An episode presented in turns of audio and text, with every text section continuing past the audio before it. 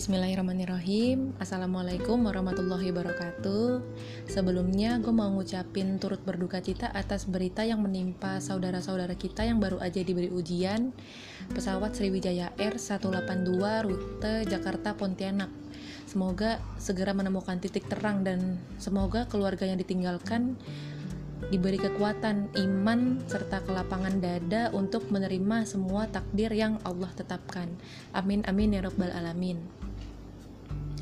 Jadi kali ini gue mau bahas apa? Gue mau bahas tentang sesuatu yang menurut gue relate banget nih sama kebanyakan teman-teman yang rentang usianya nggak beda beda jauh gitu sama gue tentang quarter life crisis yang biasanya menjangkiti anak muda dengan rentang usia 20 sampai 30-an lah ya gitu. Kisaran itu.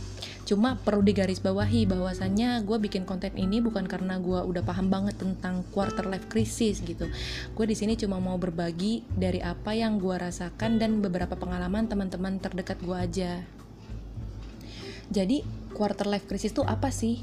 Kalau menurut Alex Fauci yang merupakan psikologis klinis menyebutkan bahwasannya ini adalah periode ketidaknyama, ketidakpercayaan diri, keraguan atau bahkan kekecewaan tentang hal-hal seputar karir, relasi, finansial dan lain sebagainya. Nah, walaupun sekilas kedengarannya tuh kayak sepele gitu cuman ternyata kalau dibiarin ini tuh bisa juga nih mempengaruhi psikis seseorang jangka pendek atau bahkan jangka panjang malah nih nggak sedikit dari kita yang berpikiran untuk mengakhiri hidup karena udah ngerasa putus asa untuk menjalani hidup gitu.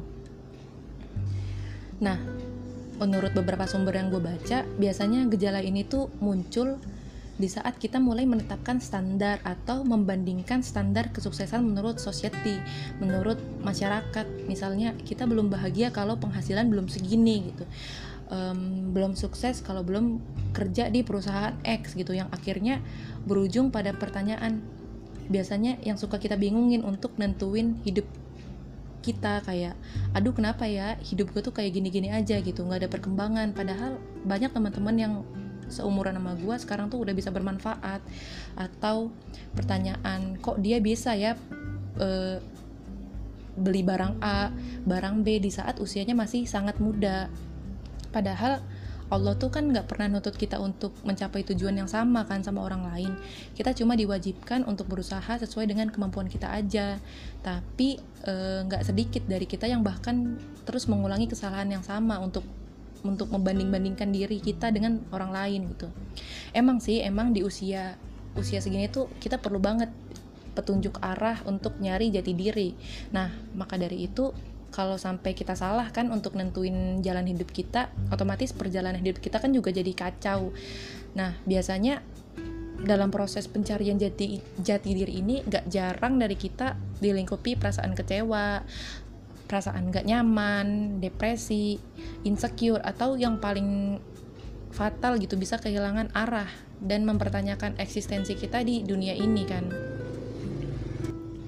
Nah terus kenapa sih sering banget muncul kegalauan, kecemasan yang padahal itu bahkan belum terjadi gitu. Muncul kegundahan yang nggak sepatutnya bikin kita gundah, hal-hal yang nggak sepatutnya bikin kita galau gitu. Nah, bisa jadi karena kita tuh sedang jauh dari keimanan yang sebenarnya. Makanya nggak heran kalau Imam Al-Ghazali pernah menyampaikan bahwa salah satu penyebab lemahnya cinta kepada Allah adalah kuatnya cinta kepada dunia. Mungkin aja kan kita terlalu berambisi sama impian dunia kita, terlalu mengkhawatirkan apa yang harus kita capai tanpa paham bahwasanya agama juga memiliki hak di dalam diri kita. Cuman kadang kita emang suka lupa dan akhirnya jadilah kita gampang ngeluh, gampang ngerasa putus asa gitu.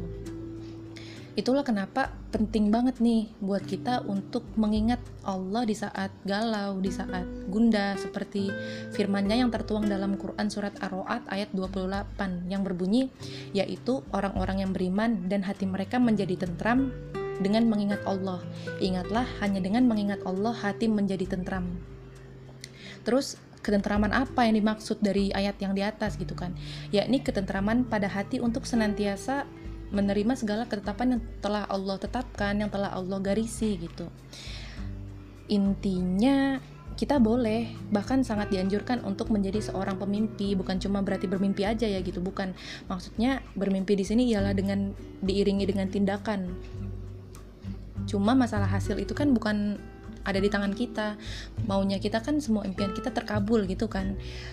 Cuma di sinilah hebatnya Allah. Kenapa? Karena nggak semua apa yang kita impikan itu terkabul. Karena sebenarnya apa yang terbaik menurut kita itu belum tentu terbaik buat Allah belum tentu baik menurut Allah gitu kayak misalnya kita mau jalan nih ternyata di depan kita tuh ada lubang besar yang ketutup sama ilalang yang bakalan bikin kita jatuh nih kalau misalnya kita terus jalan kan nah sebagaimana firmannya yang gua rasa teman-teman udah sering dengar yakni surat al-baqarah ayat 216 yang berbunyi boleh jadi kamu membenci sesuatu padahal ia amat baik bagimu dan boleh jadi kamu menyukai sesuatu padahal ia amat buruk bagimu. Allah mengetahui sedangkan kamu tidak mengetahui.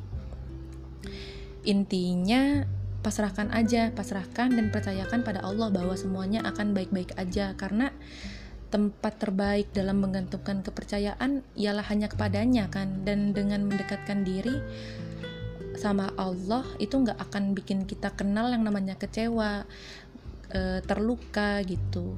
Intinya ya percayakan aja sama Allah bahwa semuanya akan baik-baik aja. Gitu aja mungkin dari gua kalau ada yang salah mohon diingatkan. Wassalamualaikum warahmatullahi wabarakatuh